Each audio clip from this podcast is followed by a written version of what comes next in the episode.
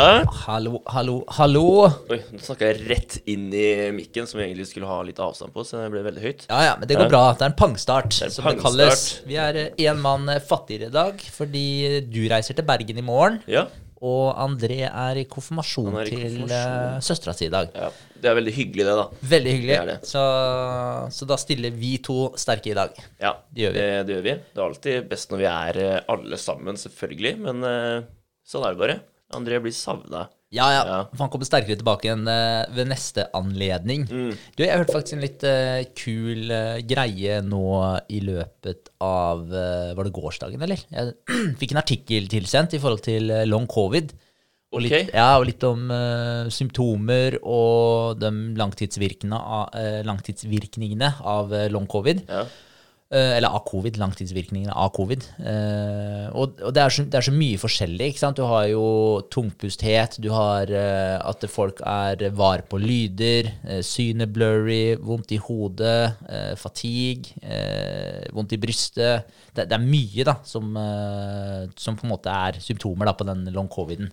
ja men, men kommer det her av at du har hatt covid, eller kommer det av vaksina?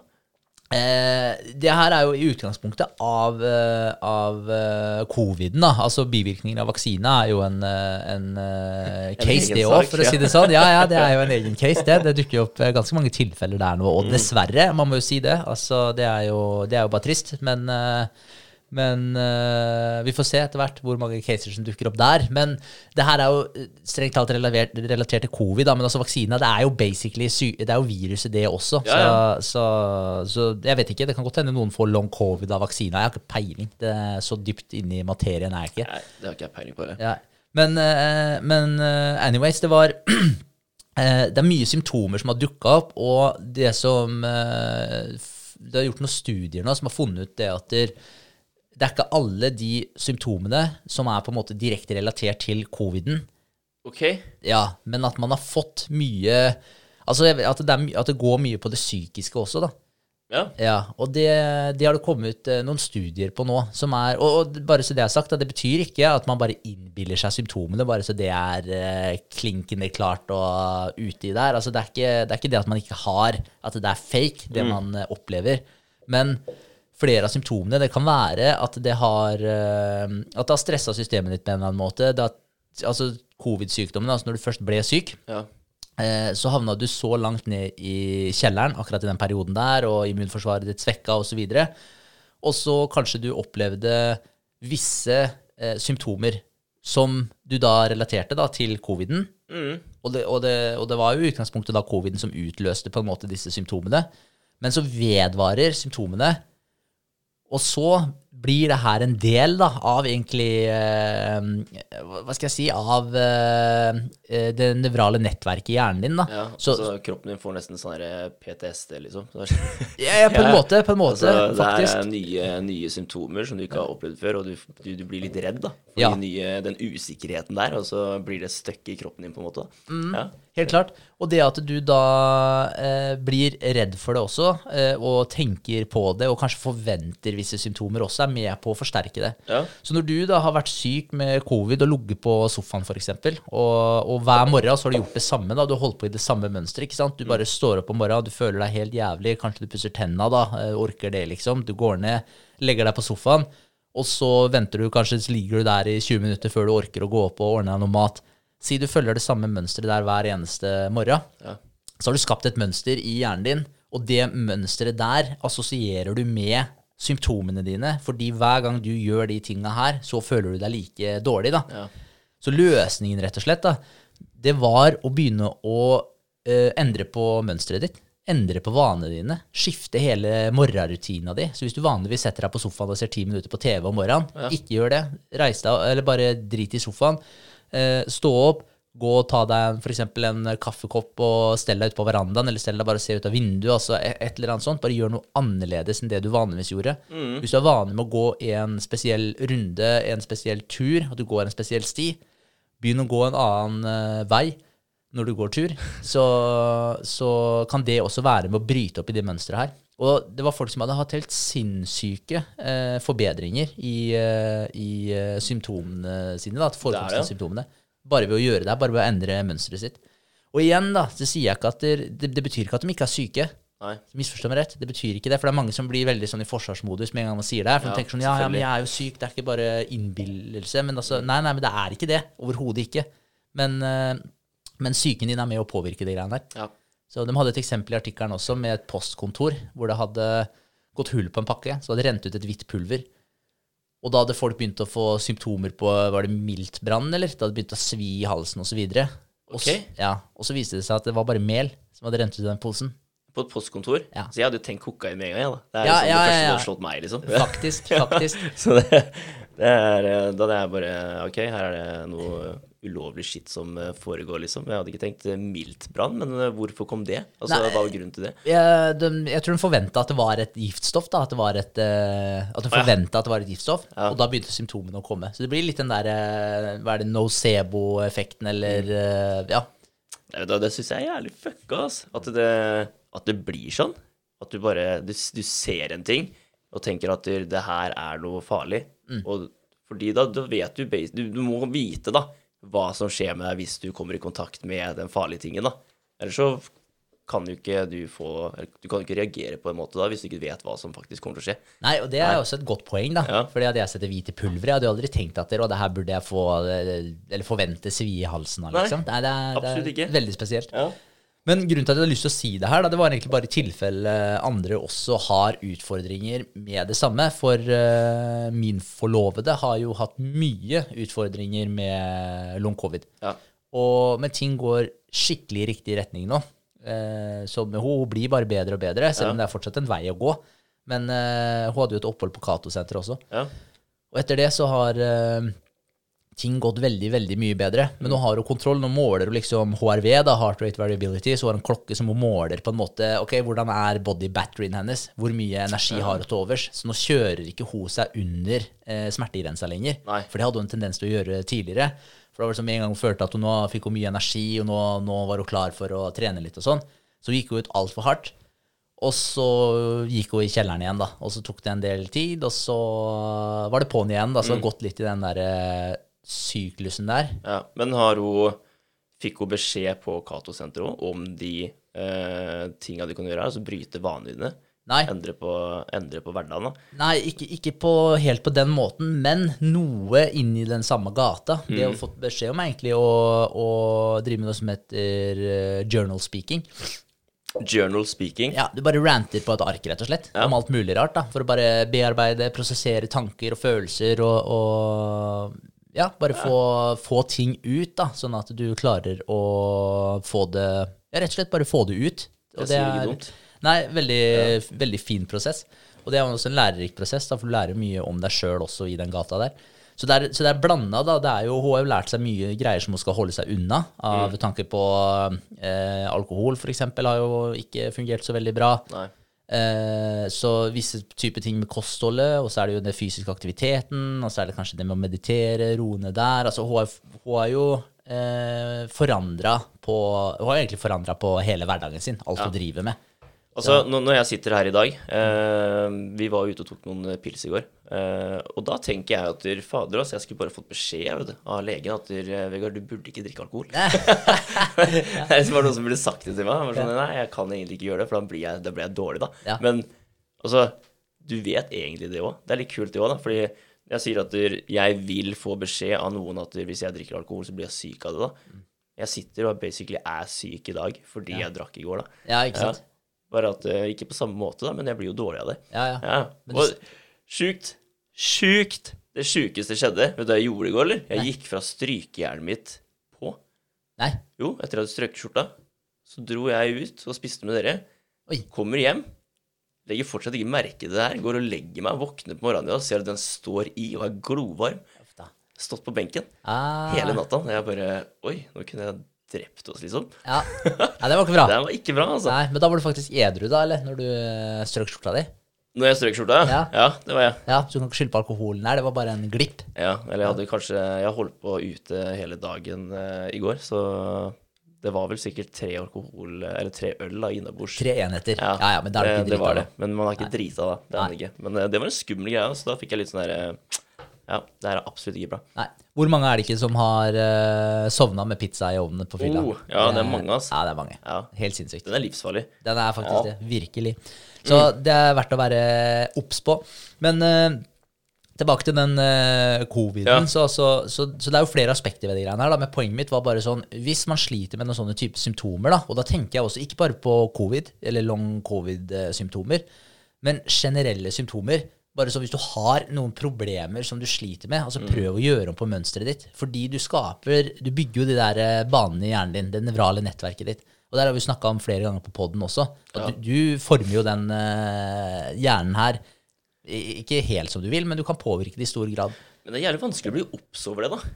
Altså at du har det problemet at du faktisk er nødt til å gjøre en endring for å bli kvitt det, da. Ja, absolutt. Det er kjempevanskelig. Men man kan bare teste og endre på vanene dine, rett og slett. Hvis du, altså, som regel har man rutiner om morgenen. Sånn som, altså, jeg kan fortelle sånn ganske nøyaktig hva jeg gjør hver eh, Jeg har litt forskjellige rutiner i forhold til hvilken dag det er i uka, men jeg kan fortelle deg ganske nøyaktig hva morgenrutina mi er de forskjellige dagene. Det er veldig sant. Og det som er helt sikkert, det er at der, jeg sover på samme side av senga, jeg står opp på samme side av senga, jeg går alltid rett inn på badet og gjør det jeg skal gjøre på badet før jeg gjør noe annet. da. Altså Den er bare låst i sten. Ja, det er ganske rart. Ja, altså. men, det, men det går jo an å gjøre noe med det, og du kan sove på andre sida av senga. Sånn at du faktisk står opp på andre sida av senga. Har du prøvd det før? Eh, nei, eller jeg og Sofie har bytta et par ganger, men Ja. ja. ja. Jeg har ikke gjort det, ass. Altså med mindre, altså Til og med når jeg er eh, på hoteller og så videre, så sover jeg alltid på Hvem side er det jeg sover? Jeg sover på høyresiden.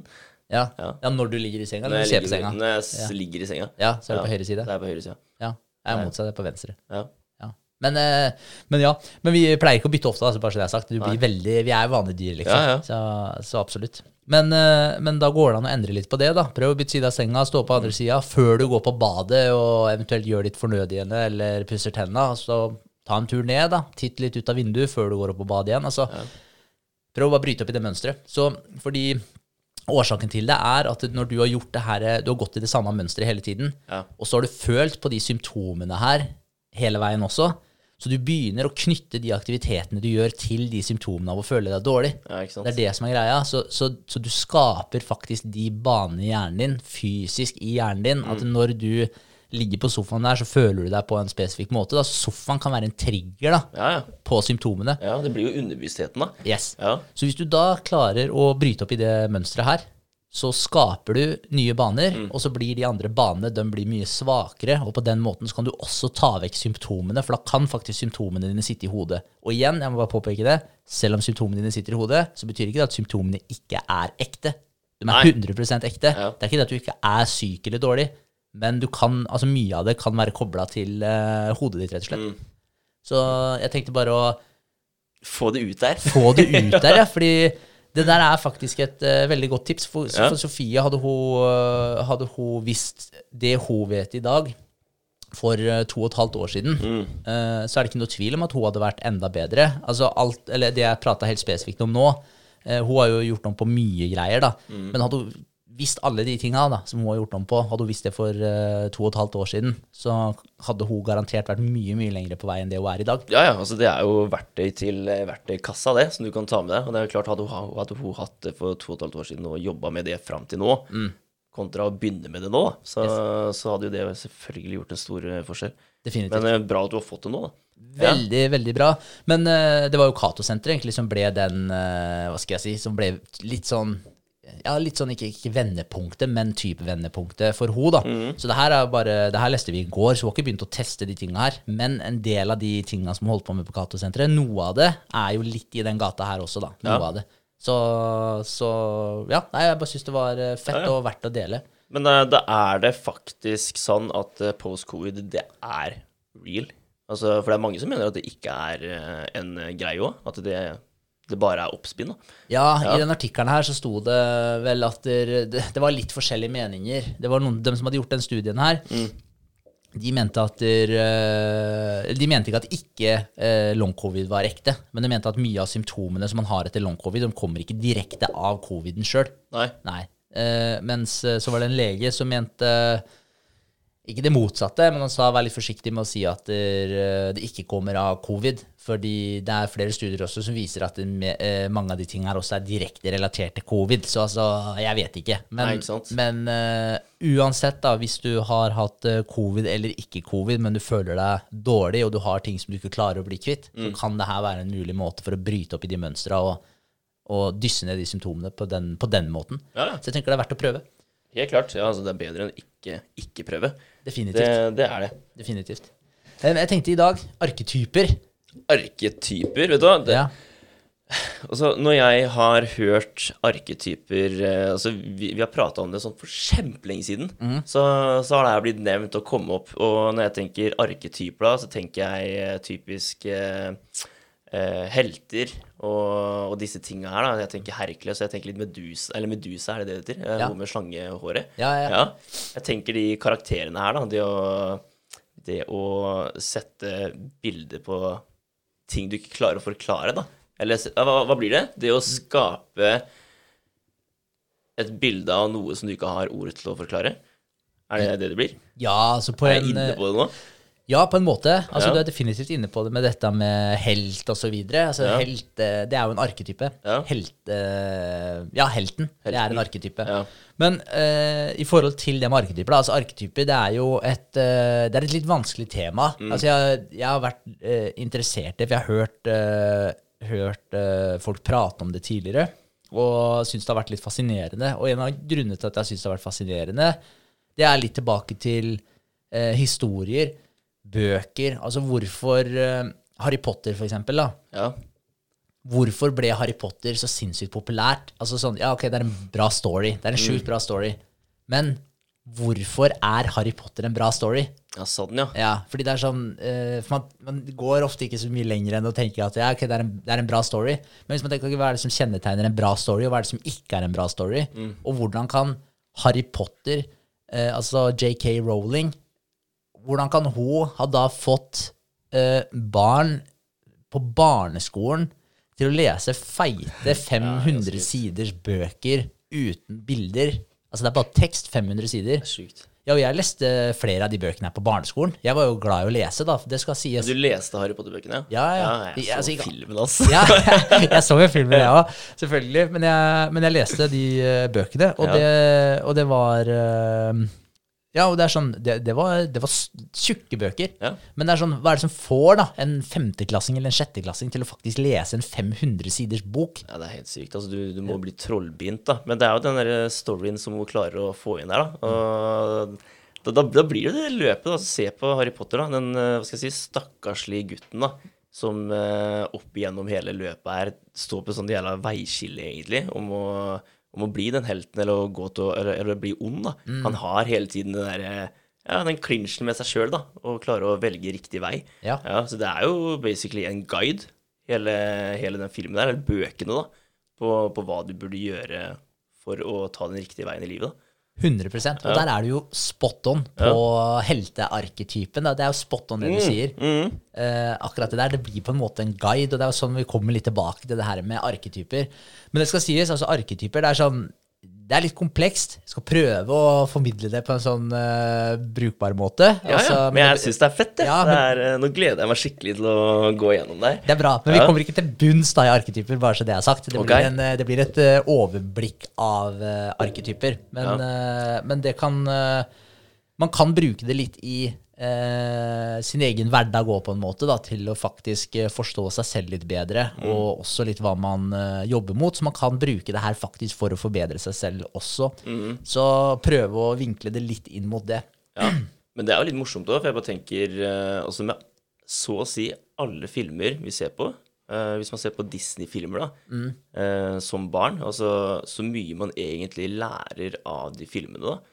Hvis man ikke hadde sett eh, de filmene, her, så hadde du mista Eller du hadde kanskje lest det, da, men eh, hvis man ikke hadde hatt historier, så hadde man mista den, eh, ja, den guiden, da. Det blir egentlig litt som, sånn som Bibelen nå. Det er en guide på, på hva du kan gjøre i livet. Eller en guide på hvordan du burde oppføre deg for å få eh, best mulig liv, Ja, basically. Og sånn er jo de filmene òg. absolutt. Ja, du har liksom helten, du har skurken, du har de valga du må ta da, for å klare å ja, komme, komme deg ut av det hel, da.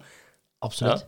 Og der har du litt forskjellen også i forhold til hva som er en bra story, og hva som er propaganda. Ja. Altså, propaganda er jo øh, når noen prøver å formidle et budskap som ikke er hva skal jeg si, genuint og ekte, da. Det er på en måte øh, Ja, det er ikke basert på arketyper igjen, da. Okay. Så, så og, det, og da får du på en måte en litt sånn hul story. Den treffer deg ikke like mye. Mm. Så du klarer ikke å skape propaganda som tar av like mye som en Harry Potter-serie ville tatt av. Nei? Fordi den, er ikke, den har ikke de underliggende arketypene som er basisen i storyen. Da klarer ikke vi å knytte noen følelser til det heller, da. Nei, og du, Men du klarer og på en måte, du kan jo bruke noe arketyper, Mm. og så legger du på toppen på en måte for å spre propagandaen din, så blir det sånn halvekte på en måte, da. Så Ja, ja. du få mer traction, da. Men, eh, men det blir ikke like genuint. Nei, ikke sant? Og sånn er det ofte i både filmer, bøker, eh, kunst osv. også, da, at det, det, det prater mer til kjernen av deg, da, Mm. hvis du har disse arketypene involvert. Ja. Ja. Nei, kult, altså. Hvis vi går tilbake da, i forhold til begrepet, da, det ble introdusert av en som heter Johan Jakob Bachhoven. Jeg vet ikke hvordan man uttaler det. Bachho Bachhofen, eller okay. Bachhofen. Er det han som tok opp uh, arketyper? Er det han som eh, fant fram det, liksom? Ja, han coina Ja. begrepet. Ja, ok, han tok begrep, ja. Ja, og det, og det var på 1800-tallet. Og så var det Carl Gustav Jung, han en kjent, eh, en kjent eh, psykolog, Ja. som da hva skal jeg si, populariserte det begrepet her. Og han levde sånn 1870-tallet til 19 et eller annet, da, om det var 1940 eller 1930, eller jeg er litt usikker. Men, eh, men han populariserte det begrepet her, da, om arketyper. Det er egentlig ganske kult at bare, bare for å si det, altså på den tiden at de faktisk Altså det å bare finne opp begrepet arketype, da, og det å klare å sette seg inn i det og, ja, og dra det fram på den måten her, er ganske eh, heftig, ass, for eh, å gjøre det for så mange år siden. Det er, ja, og noe som eh, betyr så mye i dag òg, da. Ja, ja, det er, det er dritkult. Det er det, virkelig. Men det den beskriver, altså, er at arketyper er psykologiske strukturer som påvirker hvordan vi oppfatter verden. Ja. Og det at det manifesterer seg da gjennom kultur, myter, drømmer eh, osv. videre Ja. Og kunst, det inngår jo kanskje litt i kultur igjen. Eh, og da litteratur da, i form av bøker, og om det skulle være noen filmer osv. Eh, så det som han, Carl Jung argumenterte for, det er at arketyper at de er medfødte. Så du er født med disse arketypene, og jeg kommer litt tilbake til det straks. Eh, men at de er med, at det er en, arketypen er en viktig del da, i å forstå eh, deg selv, da, underbevisstheten din, forstå det underbevisste, og hvordan du kan eh, eh, utvikle deg psykologisk. Så, så han eh, brukte begrepet the psyche, og det uttrykket der, da, eh, altså psyken, eh, det uttrykket brukte han som at det omhandla hele deg som person. Ja. Så psyken. Men han delte opp psyken i tre, og der hadde du bevisstheten din, og så hadde du den personlige underbevisstheten din, ja. og den ikke sant, jo igjen under eh, bevisstheten din, naturligvis. Men så hadde du den kollektive underbevisstheten din, som ligger under den personlige underbevisstheten igjen. Okay. Så du har på en måte tre lag da, Ja. av den totale psyken din. Og på toppen har du bevisstheten din. Under bevisstheten din så er din personlige underbevissthet. Ja. Og så under den personlige underbevisstheten så har du den koll kollektive underbevisstheten. Kollektive. Ok, så du har personlig underbevissthet og kollektiv? Ja. Ja, jeg digger, jeg digger at vi har snakka mye om underbevissthet og eh, eh, hva, hva var det vi sa nå? Altså, vi har snakka mye om bevissthet og underbevissthet. Ja. Men når vi begynner å gå enda dypere inn i å dele opp underbevisstheten nå, da, det er spennende. ass. Ja, Ja. og det, er, og det er dritfett også i forhold til den der kollektive eh, underbevisstheten. For det han eh, prater om den som Da kommer vi tilbake til hvorfor disse arketypene er medfødte. Ja. For han mente at der, du utvikla disse arketypene de psykologiske bildene, da, du Mm. utvikla dem på lik linje som du utvikla eh, fysikken din, kroppen din. Så han, Det var en student av eh, Carl Jung igjen da, Ja. eh, som beskrev det som at du har fysiske organer i kroppen din. Så når du blir eh, Hva heter det for noe? Unnfanga. Når du eh, blir et eh, Ja, når du starter å bygge deg opp, da, cellestrukturen i kroppen, i, i eh, livmora til mor di, ja, ok, ja. og så, eh, når du da Når du da blir eh, Ja, når du utvikler organer videre, opp gjennom de fysiske delene av deg selv, da, så, eh, så eh, har du de psykiske strukturene også. Altså de psykiske organene var det han på en måte sammenligna det som. da. Så på lik linje som at du utvikler hjerte, lunger, lever, nyrer, alt de greiene her, så utvikler du også disse psykologiske bildene, som er disse arketypene. Blir programmert også. Yes, Og du kan se på det som organer, bare at du kan ikke ta på de eller, eh, eller eh, ja, se de på noen som helst måte. da. Nei, jeg skjønner hva du mener. altså. Ja, Men at de arketypene her også, da, de er like viktige som de fysiske organene dine, eh, bare at de er psykiske. da. Så at de også opererer på lik linje som organene dine, uten at du bruker noe energi på det, eller bruker noe bevisst tankekraft på å operere. At hjertet ditt slår uansett. Ja. Hjertet ditt hamrer, forhåpentligvis. Eh, og, og på lik linje så har du disse arketypene integrert, da, og dem også eh, trenger du ikke å ha noen bevisst effort for at de skal operere, men de opererer i underbevisstheten din. Ja. Men, men, men som følelser, eller hva Hvordan, hvordan fungerer det? Altså, er, er det sånn at du, eh, Ja, de er like viktige som, eh, som kroppsdelene dine, da. Altså, det er jo Du kan jo, du kom, kan jo komme ut og vokse opp og bli en, en dude som ikke har følelser.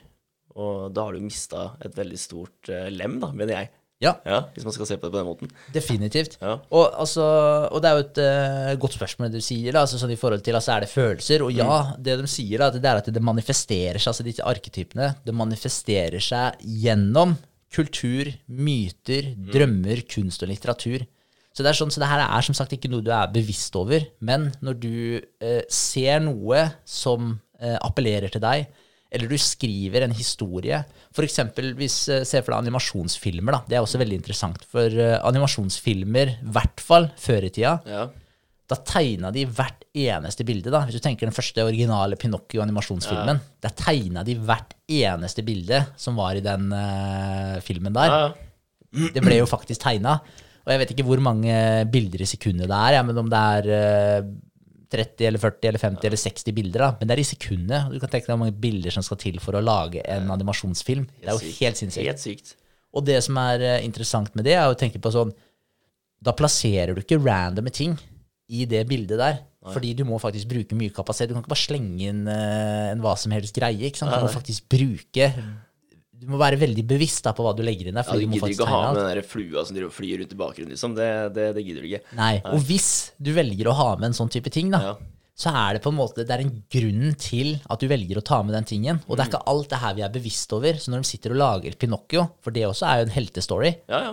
og når du da når du da sitter og tegner Pinocchio, så er det ikke det at du bevisst tenker på alle de tinga her, men du tar med de elementene her for Uh, av en grunn, da. Ja. Men den grunnen vet du nødvendigvis ikke. Du tenker at det er en kul story, det er fett hvis den lille gresshoppa kommer inn og, og på en måte guider uh, Pinocchio, osv. og så videre. Og så har du faren, da, uh, Geppetto, eh, som, eh, ja, som lager dokka og så videre. Og så, og så Altså Det er så mye elementer. da, F.eks. i starten av Pinocchio, bare for å ta et eksempel, så sitter Geppetto og ser på en eh, stjerne da, Ja. og ber om at der, eh, eh, og ber om at Pinocchio skal bli levende. Og det også er veldig kult, fordi er det sånn, og hvor bevisste de har vært på det eller ikke, det er jo en, det er jo en liten annen sak. Men samme om de har vært bevisste på det eller ikke, da, det kunne like godt vært en ting som de, var, som de gjorde på en litt ubevisst måte. Ja. Men det at Geppetto sitter og ønsker mot en stjerne om at, der, eh, om at der Pinocchio skal bli levende, ja. det viser at der han ser oppover og framover mot et lys som på en måte er det hellige, eh, kall det, da, til det edle. Og det er noe som er høyt oppe på horisonten, som han ønsker mot. da, Et eller annet som er høyt oppe, som er verdifullt på en måte, fordi det er eh, lysende. Og det er dit han på en måte eh, retter seg da, når han ønsker at eh, Pinocchio skal bli levende. Og, og det, så det er ikke tilfeldig at han sitter og ønsker opp mot en stjerne. Altså at han ikke sitter i hjørnet sitt og bare titter i veggen. ja altså, inn mot veggene. ja, så det er sånne små sånn, eh, Ikke alle er subtile heller, da, men, eh, men mye av det, da. som, så det ligger liksom lagvise betydninger da, i disse filmene osv. Ja, ja. som, eh, som blir til da, gjennom disse storyene. Og noe av det er bevisst, som sagt, men noe av det er også ubevisst. Så her manifesterer Mm. arketypene seg også gjennom disse storyene. Det er ganske sjukt, egentlig, å tenke på at eh, vi så å si alle, da, altså i hvert fall eh, altså i samme kultur, da, altså så å si alle i Norge vokser opp med å se de samme filmene. Så vi blir jo da uh, trykt på de, de samme, samme arketypene og lært til å tenke egentlig ganske likt. I hvert fall hvordan vi skal agere på ting. Helt klart. Ja, så vi blir jo egentlig programmert. Ja, ja. Ja, vi gjør det. Helt det er jævlig, spennende, egentlig, å tenke at det, her gjør vi alle, da. Og det er, jo, altså, det er jo filmer som blir vist over hele verden her, så vi blir jo Ja, hva skal jeg si? Vi, blir, vi vokser opp på samme måte, alle sammen, da. Ja, mye av det, altså mange av de innflytelsene er mye av det samme. Ja. eh, definitivt. Og det er litt kult med de der, eh, med arketypene også, for det en argumenterer for, er at det her er universelle Altså arketypene er universelle, da. Ja. Så det spiller ingen rolle om du Altså det er medfødt. Så det spiller ingen rolle om du blir født i Norge eller om du blir født i Kina. Nei. Altså arketypene er i den kollektive underbevisstheten din eh, uansett, da, og opererer der. Så at det er Det kommer ned med biologien din, rett og slett, da, og utviklinga av disse disse arketypene. Og derfor også Men da, da skal jeg bare hoppe litt til en, et, et eh, symbol som heter oroboros. Har du hørt om det før? Oroboros. Ja. Men da, Det hørtes faktisk litt kjent ut. Ja, Ja. jeg tror jeg nevnte det faktisk på poden her, for som, det er mange podder siden. Da. Ja, ikke sant? jeg, det er den slangen som biter seg i halen. Det er det det er. Ja. ja.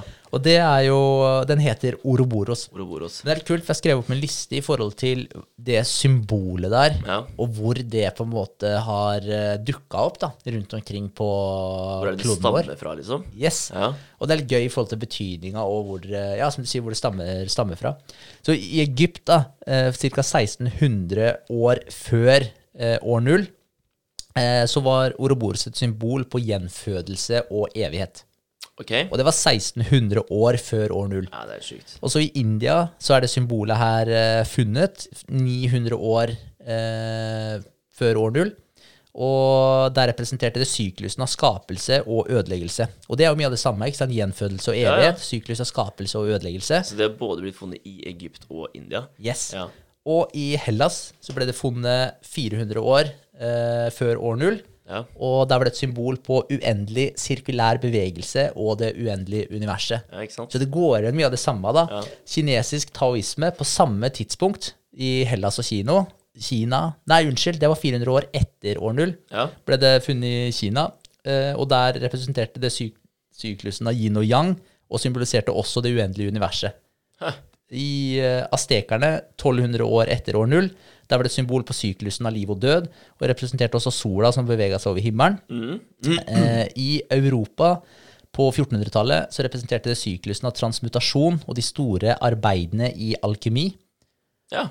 Også i nyere tid så er Oroboros fortsatt et populært symbol for gjenfødelse, syklusen av liv og død og det uendelige universet. Og den her er jo også funnet i Yggdrasil, rundt det treet vet du, i norrøn mytologi. Og det bare, så det er så kult, da, for det, den, det symbolet der eh, Og der har du litt tilbake til det vi prata om i stad, at det, arketypene det manifesterer seg gjennom kunst og kultur osv. Og da ser du da at det samme symbolet dukker opp i forskjellige settinger, med noe variasjon av betydninga, men igjen en fet rød tråd da, ja, ja mellom betydninga. felles, felles tråd der. Ja. Men altså, hva, hva tenker man om det her, egentlig? Altså, når, når et samme symbol blir funnet, funnet på veldig forskjellige plasser rundt om i verden, og på den tiden der òg Det var ikke bare å reise fra Egypt til eh, India, liksom. Nei. Det, det, det var jo så å si umulig, i hvert fall, eller ikke umulig, da, men det tok jo veldig lang tid, da.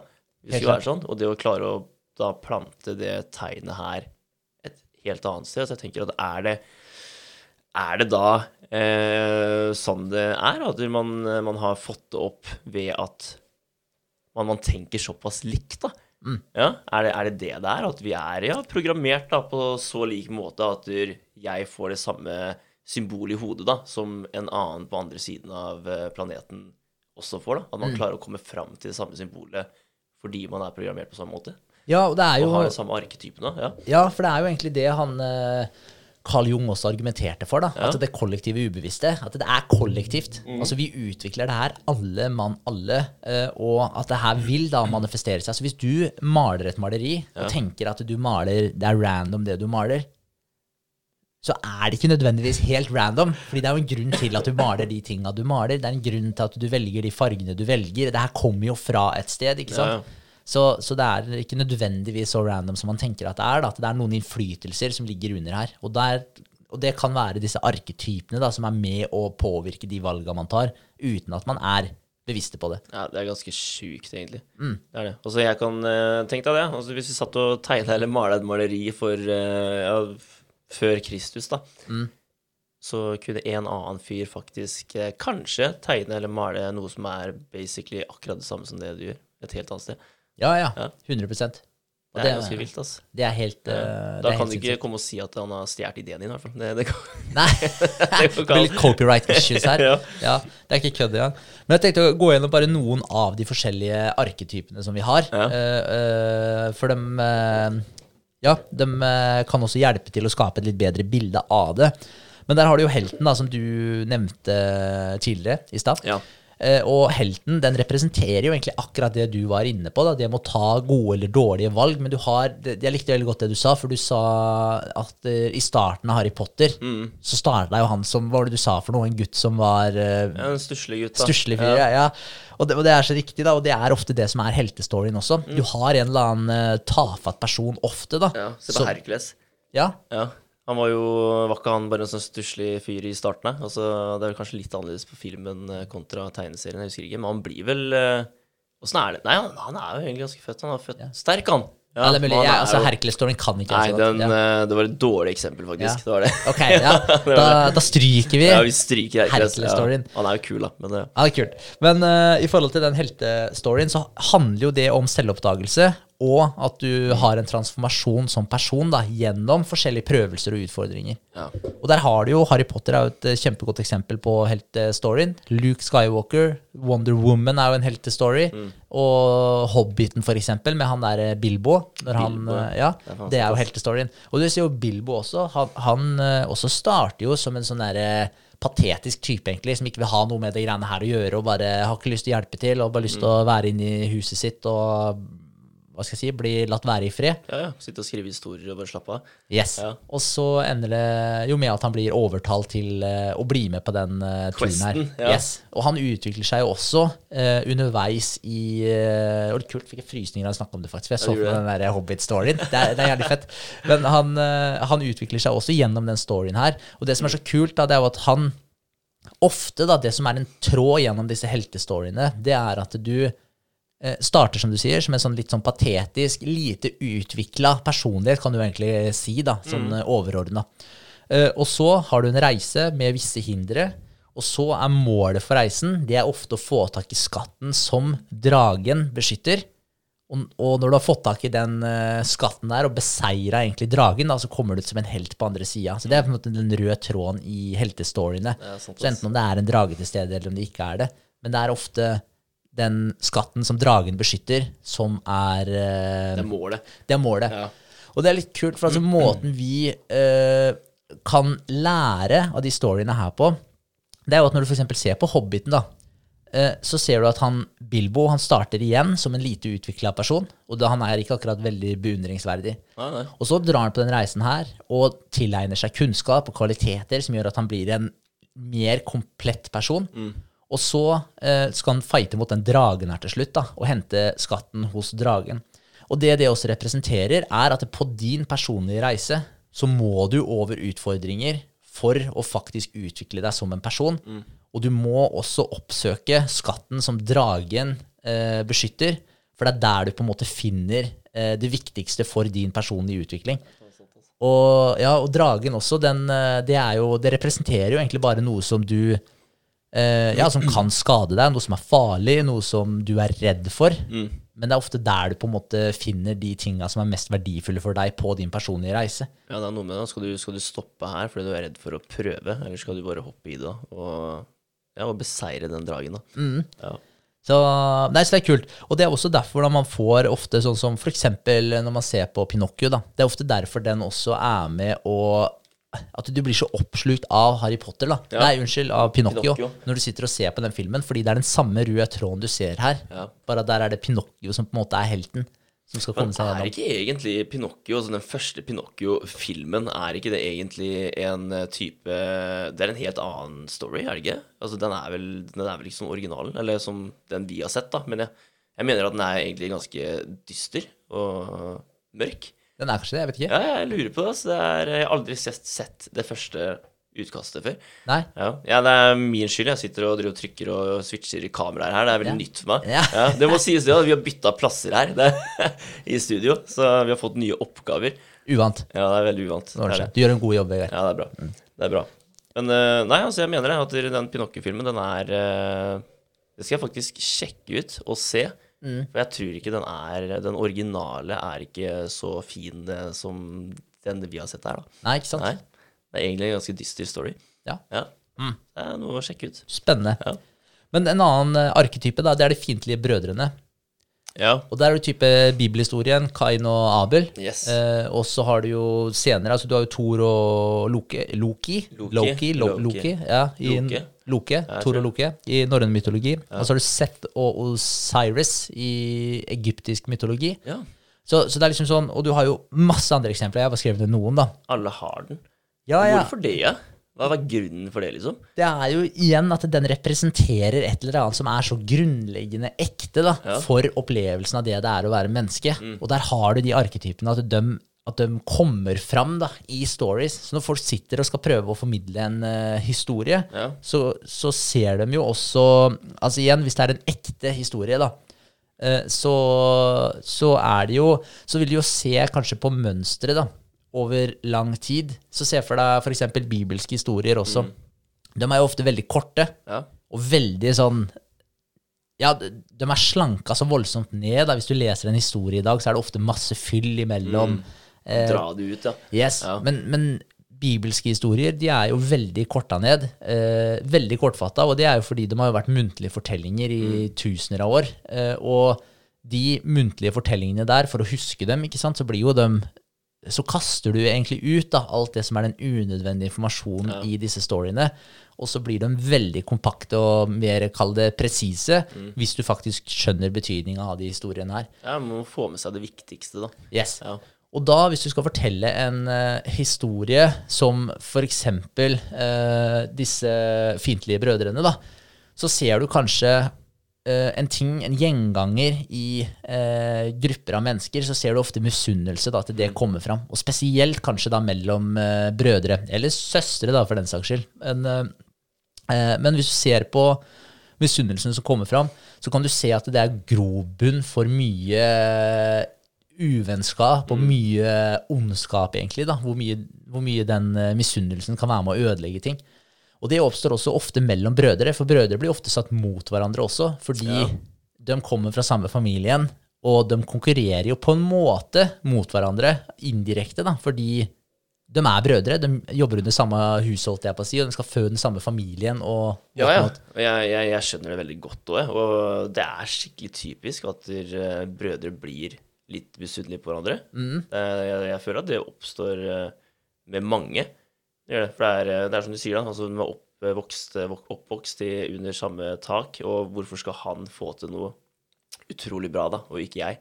Det er litt nær, altså, ja, det er jo selvfølgelig det at man legger jobben i det, da, men det er veldig enkelt å tenke at faen, Hvorfor skal han tjene så mye mer enn meg, liksom? Vi, vi, vi har gjort akkurat det samme. Hva, hva er greia her, da? Det er veldig enkelt at de, de eh, stridene oppstår da. Selvfølgelig. Helt klart. Ja. Og da, og da når man ser, eh, ser det på den måten også, den misunnelsen begynner å bre seg, så kan det hende at man tar valg da, ut fra den misunnelsen som er veldig dårlige valg, og som skaper eh, konflikter, og kanskje enda verre, da, at noen blir skada, eller at noen dør, da, som faktisk skjer i Kain og Abel-historien. Og, eh, og det som egentlig skjer i et sånt tilfelle, er hvis du observerer da, hvordan brødre eller søsken hvis du, hvis du observerer hvordan de oppfører seg i mange, mange mange familier over mange, mange år, Ja. og så drar du på en måte ut den essensen, da, det overordna prinsippet i forhold til hva det er med den konkurransen mellom de brødrene, så eh, kan du trekke ut den fellesnevneren som er de fiendtlige brødrene. Og da har du i forhold til eh, i forhold til den fellesnevneren der, da, i Kain og Abel-historien, så har du jo Abel, som Nå husker jeg ikke, han er vel lillebroren, vel? Hvis ikke jeg husker helt feil. Ja, Oi, ja, det er jeg usikker på. samme det. Jeg, jeg tror det er lillebroren. Og, og da ser du at de uh, ofrer jo til Gud, ikke sant? Og så syns Gud ofringa til Abel er veldig bra, mens Mm. ofringa til Kain er dårlig. Og det står ikke noe om hvorfor den ene er bedre enn den andre, eller sånn, men, uh, men uh, ofringa til Abel faller i god jord. Det gjør ikke ofringa til, til Kain, da. Og så blir Kain da misunnelig på Abel, og det ender med at Kain dreper Abel. Rett og slett av misunnelse. Og så konfronterer jo Gud eh, Kain med det han har gjort. Eh, og da eh, skjønner han eh, Kain hva det er han faktisk har gjort, og hvor gærent det her var. Og så sier han vel basically at han aldri kan eh, komme seg forbi det her, da. Og selv om det er en veldig kort eh, historie, så beskriver den akkurat det prinsippet som man egentlig snakker om. da, Altså den her problemstillinga med de fiendtlige brødrene, eller konkurranseaspektet mellom brødre. Mm. Ja, og bare det at det ikke er greit å, å drepe, da. Ja, altså Det budskapet der kom jo veldig tydelig fram. da, og det jo, Hadde ikke den vært der, så, så måtte jo alle sammen lært det på en annen måte. da. Ja, Ja, Og det, det er akkurat det, og det sier jo sånn, selv om det ikke alltid går så langt som å drepe, da, så kan det jo gå så langt som at du er misunnelig på broren din, og du velger å gjøre et eller annet som påvirker broren din negativt av misunnelse. Og så blir du konfrontert med den etterpå, og det er først da du innser hvor utrolig dumt det var det du gjorde, og den handlinga der kan du ikke ta tilbake igjen, da, så nå er du basically fordømt for alltid. Ja. Og det er jo det den historien her egentlig er med på å faktisk eh, formidle. Sjukt, ass. Ja, så, så det er også en arketype da, med de fiendtlige brødrene. Eh, men det også er jo eh, ja, Konflikt står det her, da, motstridende krefter, som f.eks. en konflikt mellom det gode og det onde. Og der har du jo de eh, eksemplene som jeg nevnte der.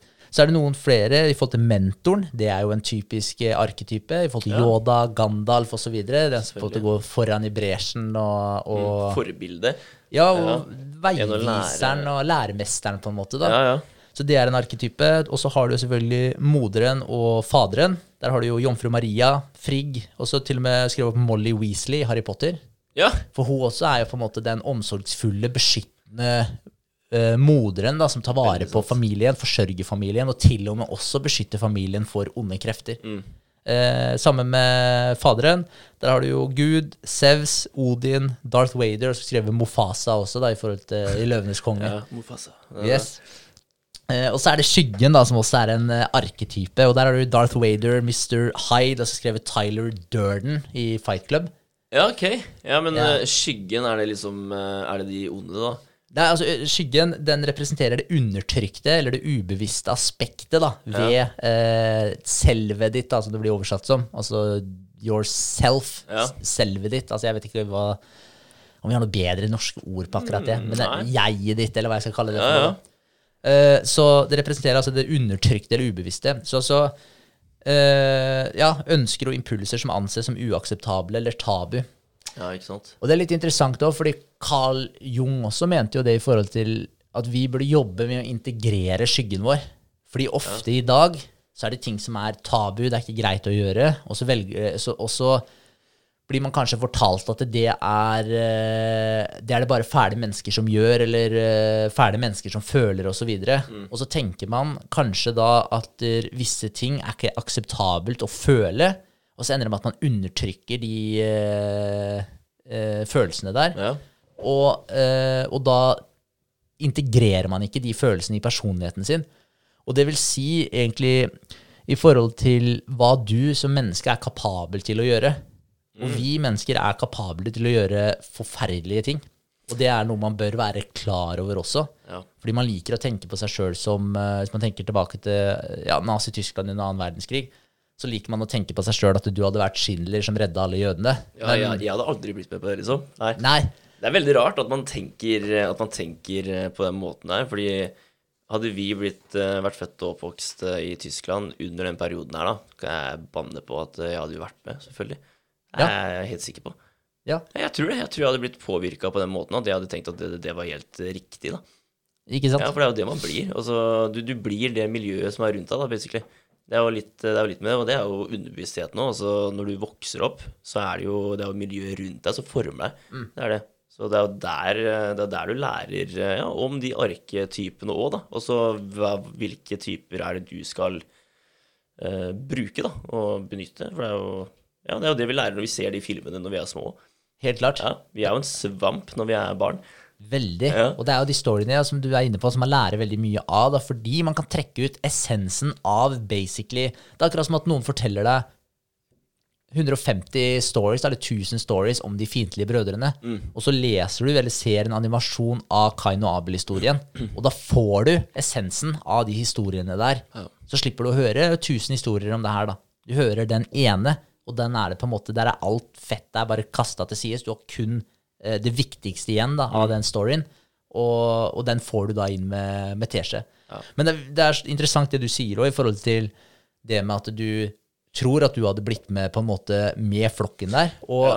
basert på statistikk så er det helt riktig. Du hadde det. Statistisk sett så hadde du vært med og gjort like mye faenskap som det som ble utført i Nazi-Tyskland på den periode, eller i den perioden der. Vi er, så vi er, så, vi er så lett påvirkelige, da. Det er noe med det. Altså, bare se på koronaperioden da, som vi har vært eh, under nå. Mm. Det er jo, faen, Man begynner å tyste på hverandre fordi du får beskjed om at det, det er det som er riktig å gjøre. Ja, ja. Og da gjør man det, da. Nei, så jeg tenker at eh, ja, hadde det her eh, Hadde jeg blitt eh, vært født eh, i Tyskland på den tiden der, så er jeg sikker på at jeg hadde vært med på det. ja. Det er jeg helt sikker på. Og det betyr jo også at du har klart å integrere deler av skyggen din Mm. mye bedre enn mange andre hadde klart. For det, mange ser jo på seg sjøl som et sånn uskyldig lam som bare Nei, jeg kunne aldri gjort det. Ja. Mm. Og så tenker man at det er dydig. Men det er ikke dydig. Fordi hvis du sier at du ikke er kapabel til å gjøre det, så betyr jo det bare at du er eh, Du er jo en eh, liten eh, ja, ikke en pusekatt engang. Du er en liten hare, en kanin, ja, som bare er helt Du er helt hjelpeløs. Ja, Mens det som faktisk er det dydige, er jo å vite at du er, du er klar over at du er kapabel til å gjøre disse forferdelige tinga her, men du velger å gå i en annen ja, retning. sant. Det er det som er det dydige. Ja. Så det, er, eh, så det er faktisk en stor forskjell på akkurat det der. Men igjen, statistisk sett så hadde, så hadde du vært en del av flokken. Det er da du blir helten, da. Når du klarer å velge å ikke gjøre det. Definitivt. Det er det jo. Helt klart. Ja. Eh, så ja, nei, men det er uh, definitivt verdt å bite seg merke i akkurat det du, du er inne på der. Ja. Men også har du den vise gamle mannen eller kvinnen. Der har du jo professor Humlesnurr, ja. Gandalf. Og så har du Athena, greske gudinne, visdom for krig og håndverk. Så altså du har disse, den vise gamle mannen og kvinnen også er en arketype. Og så har du den siste som jeg skal nevne, som er anima eller animus. Ok. Ja, og det er at der, eh, der var det Jung som uh, mente at begge kjønn da, bærer i seg både mannlige og kvinnelige egenskaper. Så det er ikke sånn at du som mann bare har mannlige egenskaper. Det er en blanding her.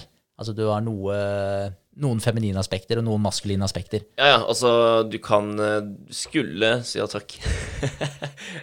skulle eh, du bli skilt eller gå fra hverandre idet man har fått en, et barn, så kan du ta deg av de, de eg- Eller hva skal jeg si? De eh, felta som eh, dama egentlig skal gjøre da, med ungen. Altså, du kan være mamma, basically, bare at du ikke er dame. da. Ja, ja, at du tar mye av de, eh, eh, omsorgsfulle Yes. kvalitetene, at du, at du inkorporerer flere av dem også, Definitivt. definitivt. Og så er det jo altså sånn, det er jo en balanse ute og går her, åpenbart, i forhold til det med det maskuline og det feminine. Da. Man er jo en blanding av disse to tinga. For det er jo ikke sånn at du er ikke 100% maskulin, men noen er mer maskuline enn andre, og så er det noen som er mer feminine enn andre, enten om du er mann eller dame. da. Ja. Så åpenbart så er det noen forskjell her. Men det han sier, er at der, eh, fortrengte kvinnelige egenskaper hos mannen kaller han for anima. Og fortrengte mannlige egenskaper hos kvinnen, det er Ja. animus. Hva er fortrengte egenskaper? da? Altså, hvilke egenskaper er det? Nei, altså det han uh, sier i forhold til stories her, da uh, Eller ikke det han sier, men i forhold til en story, hvis man drar det her inn i karakterer igjen, da. Ja. For det er jo vanskelig å forklare det bare helt spesifikt, men det er nesten lettere å se på det som karakterer i filmer osv. Mm. Ja, ja. Men der har du arven i Ringenes herre, Ja. som på en måte er en vakker og mystisk elveskjønnhet, som da representerer en idealisert feminin side for Aragorn. ja. Ja, og så har du James Bond, og han er en klassisk animus-figur som representerer en maskulin ideal for fare, intellektuell kapasitet og sex-ap- sex-appeal. ja, ikke sant? Så, så det er lettere å konseptualisere det som egentlig figurer i filmer, da, for å si det sånn. Men det er noen eksempler på arketyper Men det betyr ikke at det her er den fullkomne lista over arketyper. Altså ikke i det hele tatt. Det, det kan jo være en uendelig lang liste. Det kan være en veldig kort liste. Det spørs jo altså hvilket nivå man ser det på, da. Ja, men altså, til syvende og sist så er arketyper holdning, da, egentlig. Eller Det er med å påvirke holdninga di. Ja, Det er dypere enn ja, ikke holdning. Ja, det ligger dypere, ja, selvfølgelig. Så det ligger dypere enn underbevisstheten din. Ja. Ja. Det er, så, det er så vanskelig å tenke på det på den måten der. Ja. Klare å se det, da. Det er, eh, fordi du gjør ikke det. Nei. Nei, rett og slett. Du, Men- må, du må gå inn i deg sjøl, da. Men det er jo Det, det blir den blueprinten da, som vi har snakka om uh, før. Det ligger jo i deg. Mm. Ja, så du må bare faen, jeg, klare å hente det fram på en eller annen måte, da. Det han snakka om uh, også, var at der, i forhold til samspillet også da, mellom bevisstheten din, underbevisstheten din og den kollektive ubevisstheten, underbevisstheten, at de tre her ligger som sånn tre lag da, over hverandre, Ja. og at de samhandler hele tiden. Ja. Så du har en samhandling mellom bevisstheten og underbevisstheten din, og med underbevisstheten din samhandler med bevisstheten din og den kollektive underbevisstheten din. Så du kan. Du kan få fram eh, ting fra det kollektive underbevisstheten din opp til underbevisstheten din og opp til bevisstheten din ved å faktisk gå inn i deg sjøl og søke etter de tinga her. da. Prøve å analysere deg sjøl, så kan du på en måte få mer av de tinga her opp til overflaten, da, opp til det bevisste. Så det er en samhandling her. Det er ikke sånn at de er oi, adskilt 100% fra hverandre. Åpenbart. For bare ved å male et uh, kunstverk, f.eks., Mm. så kan du lære mye om deg sjøl. Bare det at du ser ok, hva er det du faktisk malte her, da, og så kan du jo analysere den biten der. For igjen, det kommer fra et sted, da. Mm. Men uh, ja, så, så det er muligheter å faktisk gå inn i, inn i deg og lære litt om det her. Ja, Så fantasien din er Det er egentlig underbevisstheten, da. Ja, Kan man si det sånn? ja, ja. Ja. Definitivt. Ja. Definitivt. Det er ganske kult. Herregud. Men altså Kan det da ligge ting det, det, det gjør det jo. Det ligger jo ting i underbevisstheten som du ikke vet at du har. Ikke sant? Så men jeg bare eh, Altså du, du, du har jo plutselig egenskaper som du egentlig ikke vet om, da. Som du plutselig får fram da, i deg sjøl når du møter på den enten oppgaven eller den motstanden som du beveger deg mot. da. Så plutselig så kan du en ting som du egentlig ikke visste at du kunne, for det ligger i underbevisstheten din. Ja, ja. Og der er du jo også inne på det med heltestoryen. Da. Ja. Det er jo altså Det er jo ofte igjen, da, altså karakterer er, Så hvis du ser på den karakteren der som personligheten din, så er det jo egentlig akkurat det som skjer. Altså, du har en lite utvikla personlighet, og så overgår du visse hindringer. Og så får du en mer fullkommen personlighet etter en bedre integrert personlighet. da, Fordi du har lært deg visse skills, da, du har lært deg å takle visse utfordringer, du har blitt modigere, du har mer troa på deg sjøl, mm. osv. Så, videre. så det er jo egentlig heltestoryen som du er inne på der. Ja, sant, ass. Kult. Eh, ja. Så han Carl Jung, da, han, hadde, han har jo Altså, det er jo en psykologisk retning, det er en retning innenfor psykologien som er oppkalt etter eh, Carl Jung, og det er jungiansk psykologi. Jungiansk. Ja, jungiansk. Jungiansk. Ja. Og uh, den fokuserer da på det ubevisste og tar utgangspunkter i begreper da, uh, som har med arketype, skyggen din, anima, animus å gjøre. Ok. Så, det, så han så på mennesket på en sånn holistisk måte, og la mye vekt da, på det å integrere disse ulike delene av psyken, eh, i stedet for å undertrykke dem, litt som vi snakka om skyggen i stad. Ja. For det, det jeg skulle si i stad, er jo sånn at du en, en eh, øvelse man kan gjøre med seg sjøl, hvis man føler at nei, men jeg er eh, veldig snill og grei, da, og jeg gjør ikke så mye gærent, så er det sånn Ok, men så kan du gjøre et tankeeksperiment òg, da. Hvis noen hadde holdt en eh, pistol da, mot uh, tinningen på noe du var glad i, Ja. og du fikk tak i den personen før de klarte å trykke på den uh, avtrekkeren, hva hadde du gjort med den personen da? Og så kan du dra den enda lengre også, hvis noen virkelig hadde gjort noe forferdelig mot noen av familiemedlemmene dine, og du hadde funnet deg sjøl i et rom alene med den personen her. Og det er liksom sånn, når du hører om folk Jeg husker Jordan Peterson snakka om Han hadde gått i, i et fengsel, og så hadde han gått og prata med en type, øh, og, og han øh, ja, never mind han, da, men det var en annen i det fengselet som han hadde hørt om, som hadde smadra beinet til en fyr, da. Altså bare basically bare pulverisert beinet til en fyr med et sånt der, om det var noe støpejern eller hva faen det var for noe, da. Ja. Han bare, ja, hadde bare uødelagt hele beinet hans. Og så hadde han tenkt sånn derre eh, Hvordan kan en person få seg til å gjøre det? Ja. Men så hadde han lekt videre med den tanken. Ok, hva skulle til for at jeg hadde gjort det? Ja. Og det var en sånn, etter hvert så ble det sånn Å ja, enkelt. Hvis, okay. noen, ja, hvis Ja. noen virkelig hadde gjort noe helt forferdelig mot noen av familiemedlemmene dine Si hvis Ja. du får en datter da, som noen hadde forgrepet seg på. Hadde ikke du pulverisert beinet til den personen hvis du fikk tak i dem da? Jo, jeg tror jeg hadde pumpa den full av adrenalin og jeg, så han aldri hadde besvimt. Ja. Ja. Ja. Bare hold deg våken, din jævel. For her skal du lide. Ja. ja, men der ser du det, og det er jo skyggen, ikke sant? Ja. Men greia er at hvis man hele tiden, hvis man aldri reflekterer over de tinga her, og ser på seg sjøl som en sånn der eh, uskyldig ja, karakter da, som aldri kunne gjort noe galt Det er jo det er jo viktig da, også å tenke over hvordan du faktisk ville reagert ved de forskjellige tilfellene. For det er Altså, det, for det første kan du forhindre deg i å gjøre en sjuk ting som du hadde gjort ut av ren refleks, da. Mm. Hva skjer her nå? Å oh, ja. støvsug. Ja, ok. Ja. Det var ikke helt bra. Nei, ordner seg. Ordner seg. Jo, for det første så kan det forhindre at du, du Du bare knuser det benet, da. Ja. Ikke sant? At du gjør en ting av ren, eh, av ren eh, refleks, da. At det her eh, du, du blir så sinna at du klarer ikke å stoppe deg sjøl, ikke sant? ja. Ja. Men hvis du faktisk har gått inn i, inn i tankene dine og tenkt over hvordan vil jeg reagere ved de forskjellige hendelsene. Mm. Det kan faktisk endre ja, hvordan du reagerer, på, reagerer. da. Det har jeg tenkt veldig ofte med tanke på eh, skyting òg. Altså, hvis en person plutselig begynner å skyte rundt i gata, da, ja. og du aldri har eh, enten opplevd det før, eller sett en film om det samme, som gjør at du tenker hm, hvordan ville jeg reagert på det her? Mm. Så, så, så, så har du ikke peiling da, på hva du skal gjøre. Men hvis du faktisk har sittet og tenkt litt på ok, hvordan skal jeg eh, reagere hvis en person plutselig tar opp en pistol og begynner å skyte eh, rundt seg i gata, da, da tror jeg du kommer til å oppleve hele situasjonen annerledes. da. Ja, ja, men det er 100% Og det er jo sånn i forhold til PTSD og sånn òg, grunnen til at folk eh, ofte da utvikler eh, PTSD når de er eh, i krig, Ja. så er det ofte at de, de ser hva de selv er kapable til å gjøre, og de visste ikke at de sjøl var kapable til å gjøre det. Eh, gjøre det de har gjort. Oi, Så det er ikke alltid Så det kan selvfølgelig være at, du, at det har skjedd ting med deg òg, da. Selvfølgelig.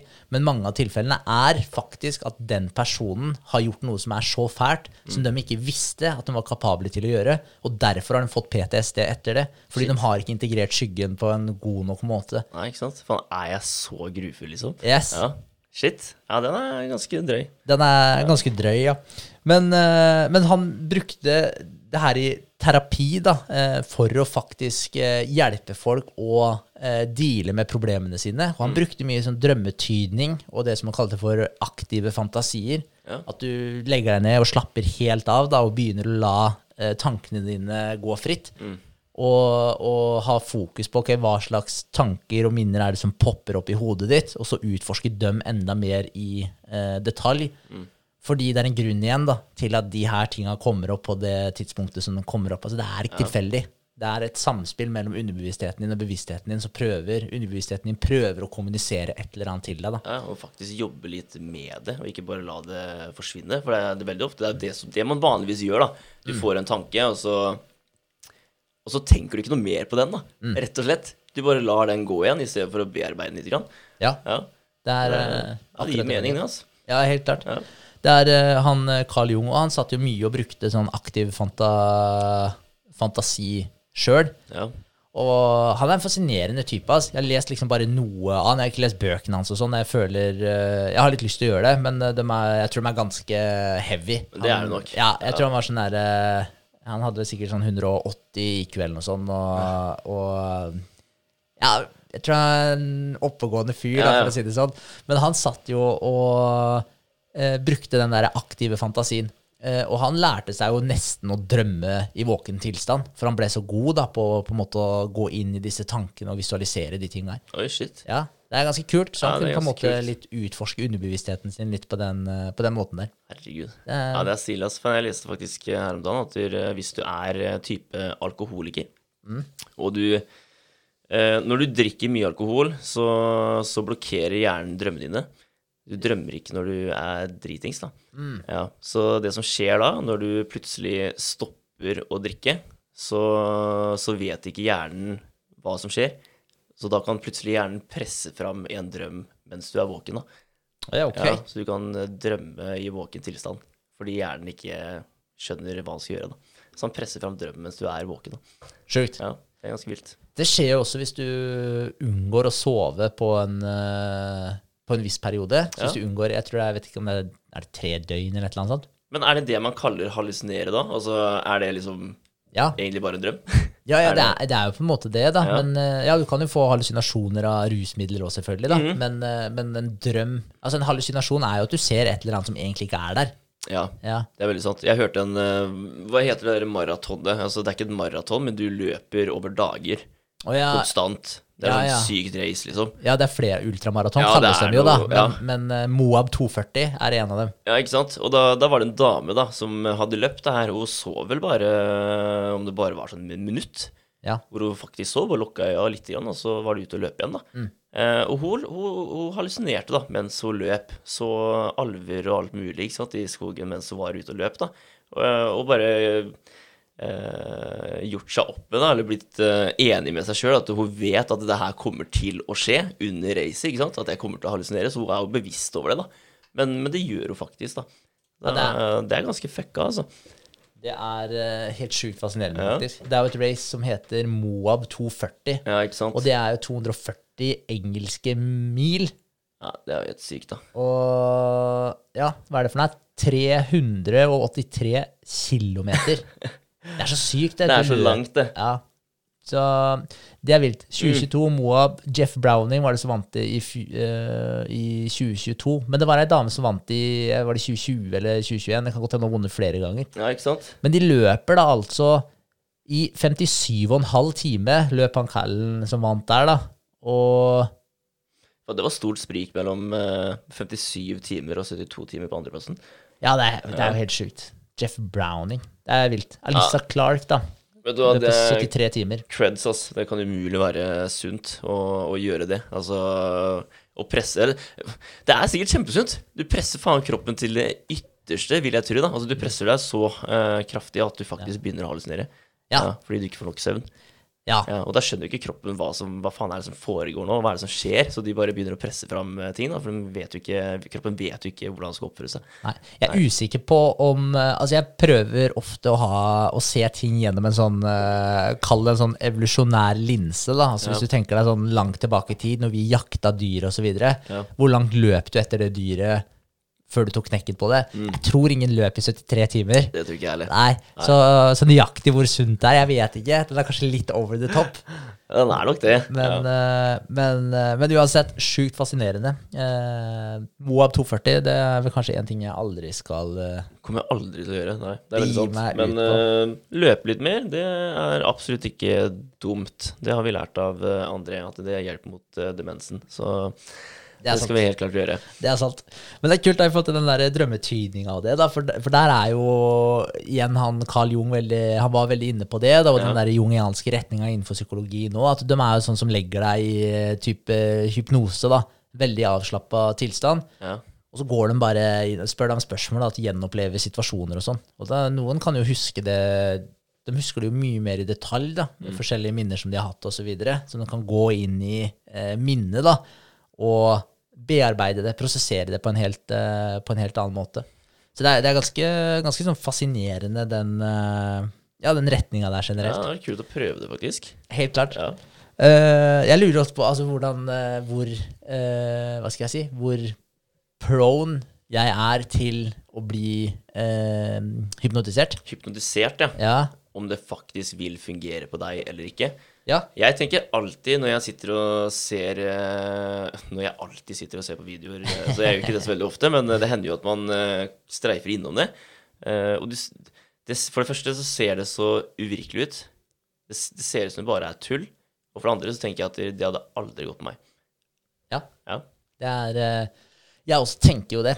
Men, eh, men det er jo derfor ofte Altså, man er jo, eh, man er jo forskjellig der. Mm. Noen er jo veldig disponible for det, og noen er jo ikke disponible for det i det hele tatt. Så det er jo en stor forskjell Ja. på folk. Og det er jo ofte derfor også disse eh, Hva heter det for noe? Hypnotisørene. Ja. At de har en større gruppe mennesker, og så drar de dem gjennom en sekvens for å se hvem som blir mest påvirka, og så er det dem de på en måte plukker ut til uh, forsøka sine eller showa ja, sine, eller hva det måtte være. da. Det er, det er jo en grunn til at de, de gjør det på den måten. Det er jo fordi noen er mer påvirkelige når det kommer til hypnose enn andre. Ja, ja, men jeg kunne helt, helt, tenkt, helt klart tenkt meg å prøve det. Altså, det hadde vært kult å se om det faktisk fungerer eller ikke. Det, det kunne jeg tenkt meg. Enig. enig. Men i forhold til arketyper da, og, og hvordan uh, vi kan dra noe nytte av det her En ting som er litt eh, verdt å tenke på, altså det som er litt fascinerende med det, er jo det her med stories og sånn, og bare få en forklaring på ok, men hvorfor treffer Harry Potter så bra? Hvorfor treffer Ringenes herre så bra? Og altså, hvorfor er det noen stories som er så bra da, i forhold til andre stories, Ja. som tilsynelatende kan være forholdsvis like eh, på mange måter, men så er det et eller annet som bare gjør at den ene er 100 ganger bedre enn den andre. Og, og da er det ofte disse arketypene, da, at det er tufta på noe som, som du kjenner igjen. da, så Sånn dypt i røttene dine så kjenner du igjen det, det mønsteret her, og at det er et eller annet som er riktig ved det du leser. Og, og da er det det som på en måte appellerer til deg, i kontrast til da propaganda, som er hult, som ikke tar hensyn til disse arketyper på samme måte. Og Disney også er jo, som du var inne på i stad, det er et veldig godt eksempel på Der har de jo integrert disse arketypene på en veldig god måte tidligere, fra gammelt av. Ja. Men i senere tid så ser du mer og mer propaganda som kommer ut derfra òg. da. For da går de bort fra disse arketypene, og så begynner de å eh, bare trykke inn politiske budskap osv. Og, så Mm. og så blir det mye mer eh, hule stories, da. Ja, det, det blir mer en pengemaskin, da, basically. For du ser veldig typisk på uh, når det kommer uh, film nummer to og film nummer tre. Altså, den første filmen er alltid bra, og så kommer de neste, da. Altså Ja. en typisk eh, si, si biler, da, den Disney-filmen. Ja, jeg syns første filmen, den var bra. Og så kom eh, andre, begynte å se på den, gadd ikke å se på den mer, ikke sant. For da hadde mista hele den eh, Ja, alt budskapet og alt er vekk, da. Hele mm. arketypet, oppsettet, da. Det er, ikke, det er ikke det samme lenger. Nei. Det ikke. Og det er sikkert et godt poeng også, i forhold til det med filmer òg. Hvorfor blir ofte film nummer to og film nummer tre dårligere enn eneren? Og det er sikkert akkurat det du er inne på der. Du starter med et godt utgangspunkt uten at du kanskje nødvendigvis tenker at det her skal bli en toer og en treer. Og så starter du med det som utgangspunktet, og så blir den mer ektefølt. Og så skal du bare klemme ut en film til og en film til, og da ender det med at du ja, som du er inne på, da, du klarer ikke å integrere disse arketypene på samme måte lenger. Da, og da er det mer eh, Ja, det kommer kanskje ikke helt uh, fra samme sted lenger. Nei, det, det tror jeg jo. Herregud. Men eh, i forhold til de arketypene, da, man kan gjenkjenne dem i seg selv da, og andre, og da kan man se etter mønstre i atferd og tenking. Man kan lytte til språket man bruker. Man kan være oppmerksom på drømmer og fantasier. Du må stoppe litt ved akkurat det punktet der. Fordi jeg eh, førte en eh, drømmejournal en periode. Ja, stemmer. Ja, Det syns jeg var dritkult. Ja. Fordi du husker drømmene dine så sinnssykt mye bedre. Så når jeg starta å skrive ned drømmene mine, eller altså før jeg skrev ned drømmene, så huska jeg dem nesten aldri. Ja. Og det er jo typisk at du husker drømmen din veldig godt med en gang du lukker opp øya, ja. og så forsvinner den veldig fort. Det er veldig rart, akkurat det. At Ja. du, du husker drømmen veldig godt idet du våkner, og så skal du gjenfortelle drømmen en time eller to etterpå. Mm. Og da, da har det bare forsvunnet, da. Fordi du, du, utgangspunktet er at du begynner å fortelle med tanke om at du, det her husker jeg. Og så er det bare vekk i Ja. det du skal fortelle. Så bare faen, jeg husker det ikke allikevel. Det er veldig rart. Ja. Men der, eh, der også er det jo forskjell på folk. Da, for noen er jo mye flinkere til å huske drømmene sine, bare på sånn generell basis enn det andre er. Men det som var interessant, for jeg husker vanligvis ikke drømmene mine så godt, eh, men eh, når jeg begynte å skrive dem ned, Mm. så huska jeg dem. Altså? I detalj huska jeg drømmene som jeg hadde skrevet ned. Og det var ikke sånn at jeg trengte å lese meg opp på dem da, men bare den eh, øvelsen av å skrive ned drømmen Ja. gjorde at jeg huska det veldig, veldig Ja, godt etterpå. Så, og det som det også gjorde, som var veldig interessant, var at når jeg drømte senere da også, så huska jeg drømmene mine mye enklere. Mm. I, på en måte, I den perioden altså Jeg husker ikke hvor lenge jeg logga. Si at det var en uh, måneds tid eller noe sånt, da, Ja. hvor jeg logga drømmene mine hver morgen. Uh, og så slutta jeg med det, og kanskje i en uke eller to etterpå så huska jeg drømmene mine mye tydeligere. Men på et eller annet tidspunkt så var jeg tilbake i gammel eh, Vanlig, ja. Ja. Men altså, altså, grunnen for at du gjorde det her, er det fordi drømmer har en betydning? Er Ja. det, det er det det er? Altså, alt, eh, ja, altså alle drømmer betyr et eller annet, da. Derfor tracker du drømmen for å finne ut om det stemmer, da. Ja. Det var, eh, ja og hva er betydningen av drømmen? ja, det var akkurat derfor jeg hadde lyst til å tracke det. Ja.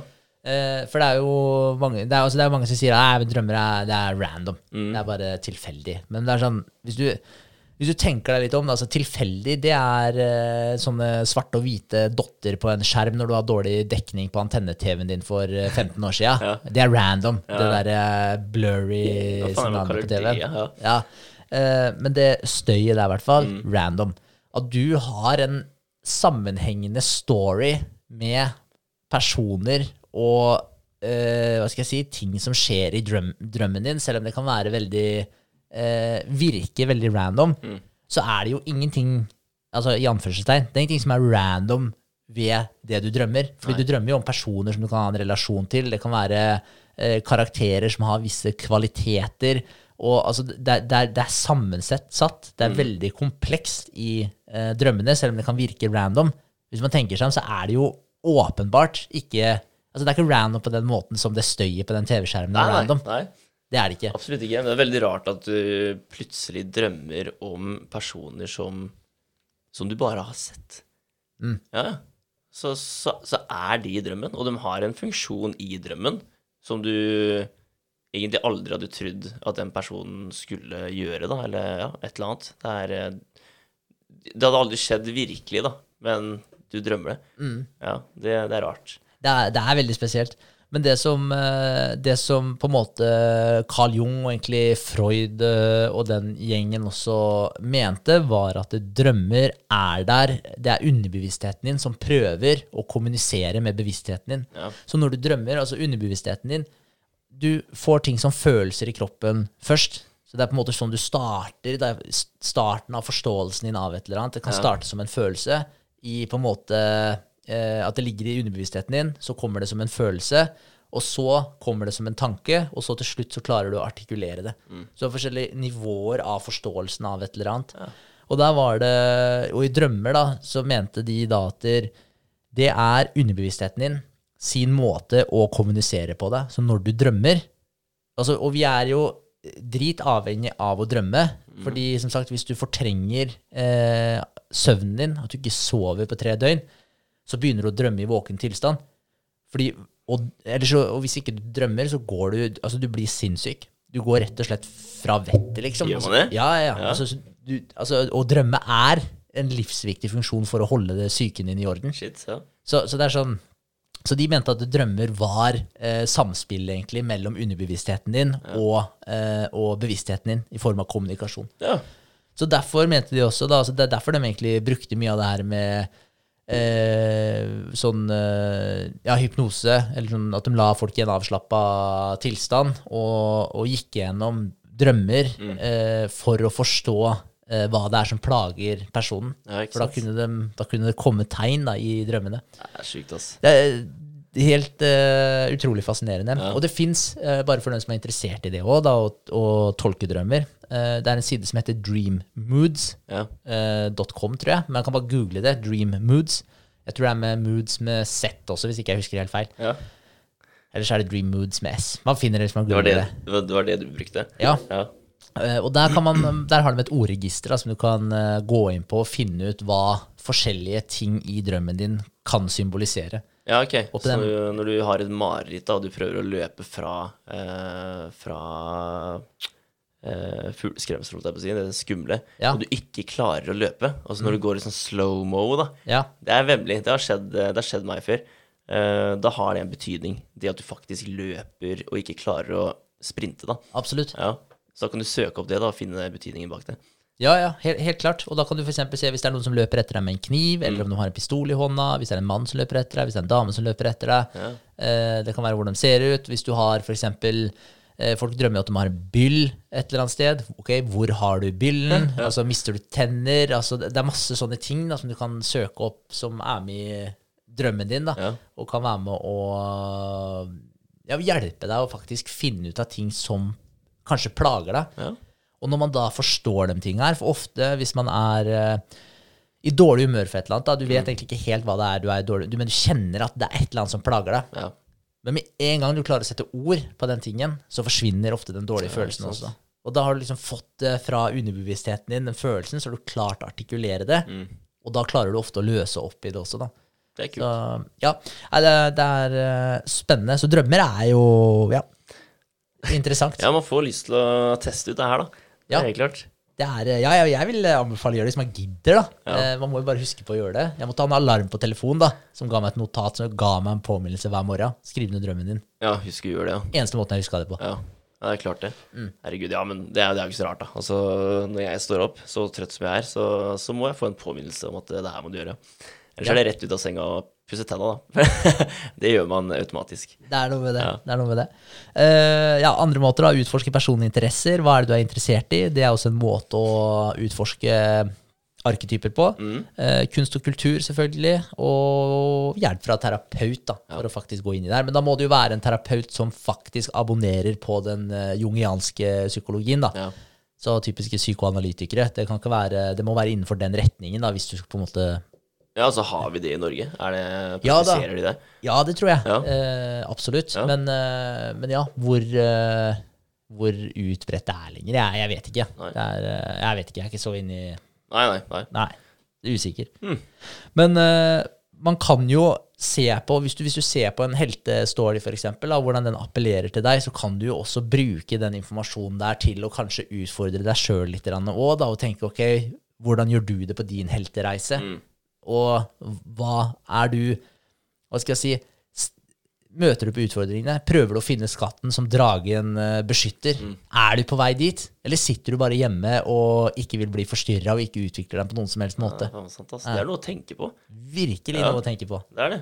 Faen, eh, skal du ut på den requesten, eller skal du ikke, ikke det, da? Mm. Shit, men det er jo type komfortsone, det, da. Ja, Absolutt. det, er jo, det er jo det det er. Altså, vil du, vil du være i den komfortsonen og bare leve A4-livet, eller vil du komme deg ut på den reisen da, og nå målet? Ja, Ja. men det er jo akkurat det. Ja. Og da når du faktisk eh, Når du tenker på også den dragen da, som beskytter skatten, så er det jo eh, Det er jo skatten du vil ha. Mm. Det som er mest verdifullt for deg, det er det dragen beskytter. Og da må du faktisk beseire den dragen. da. Du Mm. må gjøre et eller annet du ikke har lyst til å gjøre for å faktisk få tak i gullet. Det er veldig sant. Og hvordan du oppfører deg da, etter du faktisk har klart å få skatten. For det er jo veldig synlig i 'Ringenes herre', da. Han, eh, han kongen der, han dvergen, han Ja. får dragesyken, ikke sant, når han er inne i det slottet med alt gullet, da. Stemmer. Ja, så han blir jo ond, da, ikke sant, når han får, eh, får skatten sin, da. Mens Bilbo, han, eh, han er ren, da. Og Ja. ja, klarer å, klarer å rense den igjen, da, basically, og få han til å, få han til å gå rett veien igjen, da. ja, Ja, det er jævlig kult. ja det er det. Og der ser du også da hvordan en, eh, en god karakter, altså en god personlighet, Mm. som, er, eh, som har integrert skyggen på en god måte, som da kan være med å påvirke en person til å faktisk gå den riktige veien, dem også. da. det Så det er jo det er, det er fett, altså, Ja. the stories, hvor mye, hvor mye visdom da, som ligger inni mange av de storyene her. Ja, ja. Dritkult. Det er sjukt, og vi tenker faen ikke over det engang når vi ser på det. Nei, det er det vi Veldig ikke gjør. ofte. Men det er derfor det er så sinnssykt viktig. da, altså, Sånn som når jeg får kids. Mm. altså, De skal se på de der klassiske animasjonsfilmene og sånn. 'Løvenes konge', eh, 'Pinocchio', som vi, som vi nevnte. altså De skal se på de klassiske filmene der, fordi det er så mye visdom da, Mm. i baka inn i de filmene der.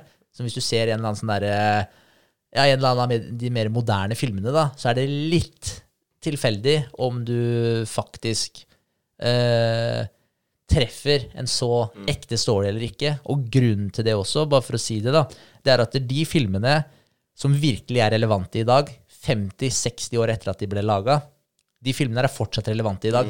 Hvorfor? Fordi det er ekte. Ja. Og de nye, moderne filmene som kommer i dag, noen av dem kan være ekte, og det kan godt hende at de er relevante om 60 år også, men de har ikke gått gjennom eh, filteret av å overleve i flere Det tiår. er veldig sant. Det er svært få av de. Ja. Det, det er det. Men da kan man se viktigheten altså, av det å lese for eh, barna sine òg, når, mm. når de er små. Det å lese de historiene, da, ikke sant? de gode historiene, for det er da du tar det, du tar det inn. da. Ja. Så jo tidligere, jo bedre. da. Virkelig. Ja. Det er eh, et godt poeng. Eh, Jeg tok med noen bare sitater fra Carl Jung, da, for jeg syns han har mye fett å komme med. Ja. Eh, Men, eh, så jeg tok med noen sitater av han også, bare som eh, ja, kan få deg til å tenke litt. Eh, Han at Until you make the unconscious conscious, it will direct your life, and you will call it fate. Ja. Ja, så hvis du klarer å få det som ligger i underbevisstheten din, opp til overflata, sånn at du tar bevisste valg, så kommer det til å styre deg, og så kommer du til å tro at det her er skjebnen. Så har du kanskje mer kontroll over det enn det du egentlig tror, da. Uh, there's no coming to consciousness without pain. Mm.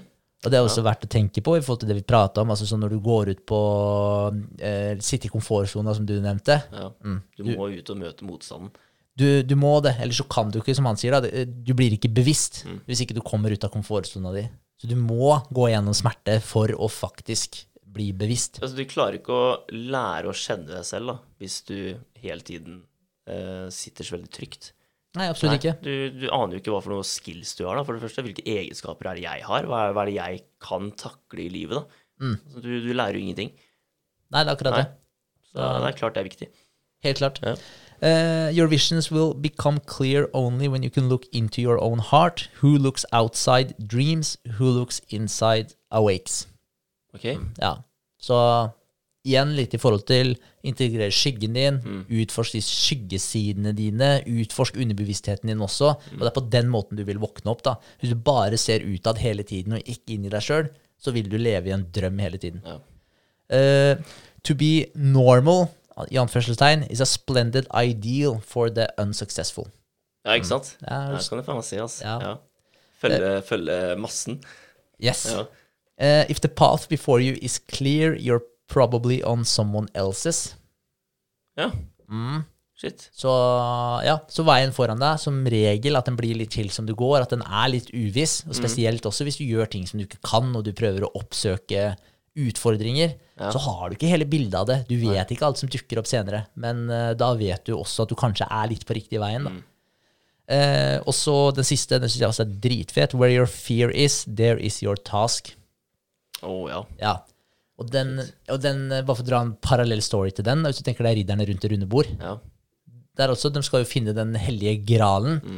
Og det er jo på en måte det som er det mest verdifulle for eh, Ja, de skal finne det mest verdifulle tingen. Og så, måten de gjør det på da De ridderne, de går ut i skogkanten, Ja. og så går de inn, for de aner jo ikke hvor den her er, men de går inn i det stedet i skogen som ser mørkest ut for dem. ja, ikke sant? Og det er eh, også verdt å tenke litt på, da. For det er på en måte der, som han sier òg, da Where your fear is, there is your task. Det er det stedet som du minst har lyst til å oppsøke. Mm. Det er, som, det er som regel der du burde Det er det du burde oppsøke, da. Sykt. Ja, det er, eh, det er mange gode eh, Hva kaller man det? Sitater? Quoter? Eller ja. Mm. Der. Det er det. Helt klart. Ja. Det er, det er så mye å tenke på, da. Altså, det er sånn der, jeg, jeg syns det er dritkult, det her, men eh, eh, altså man, man må nesten være litt, eh, litt sånn småforsiktig hvis du skal bare begi deg inn i den eh, tenk, tankegangen. Du kan ikke gjøre det altfor fort, tenker Nei. jeg. Nei, det er noe man må ta litt steg for steg, altså, fordi det kan bli for mye.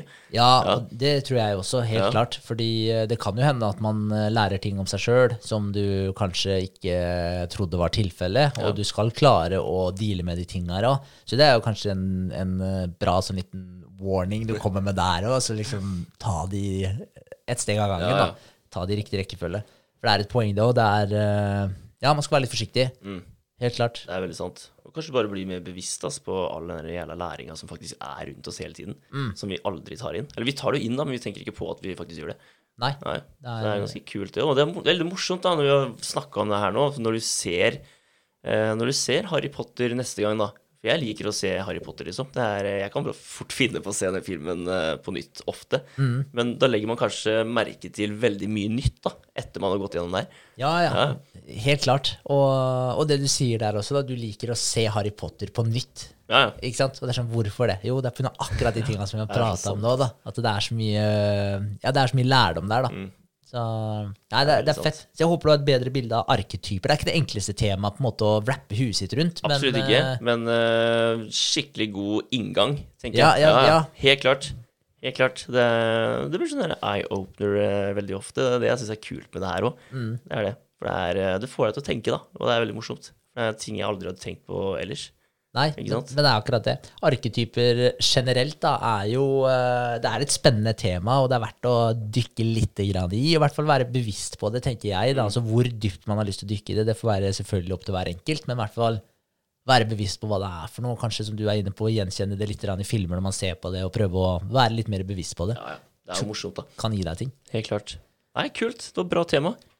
Bra. Det var det. Ja, jeg var litt stressa for, uh, for å gå gjennom det her, for jeg syns det er uh, vanskelig. Så jeg håpa jeg ikke bare slakta det helt, men jeg følte det Ja, men det, det, det er bra, da. Altså, Ja. Det sier jo sitt jo at uh, man prøver å, prøver å legge fram et tema som man ønsker å få ut der, da. Men det er jo fader ikke alltid enkelt heller. Nei, ikke. absolutt ikke. Så, men uh, spennende tema. Jeg syns jo som sagt det er interessant, og det var en av grunnene til at jeg hadde lyst til å prate om det også. Så håper jeg at det var litt verdifullt for uh, de som hørte på. Det tror jeg, tror jeg det var. Helt Ja. klart.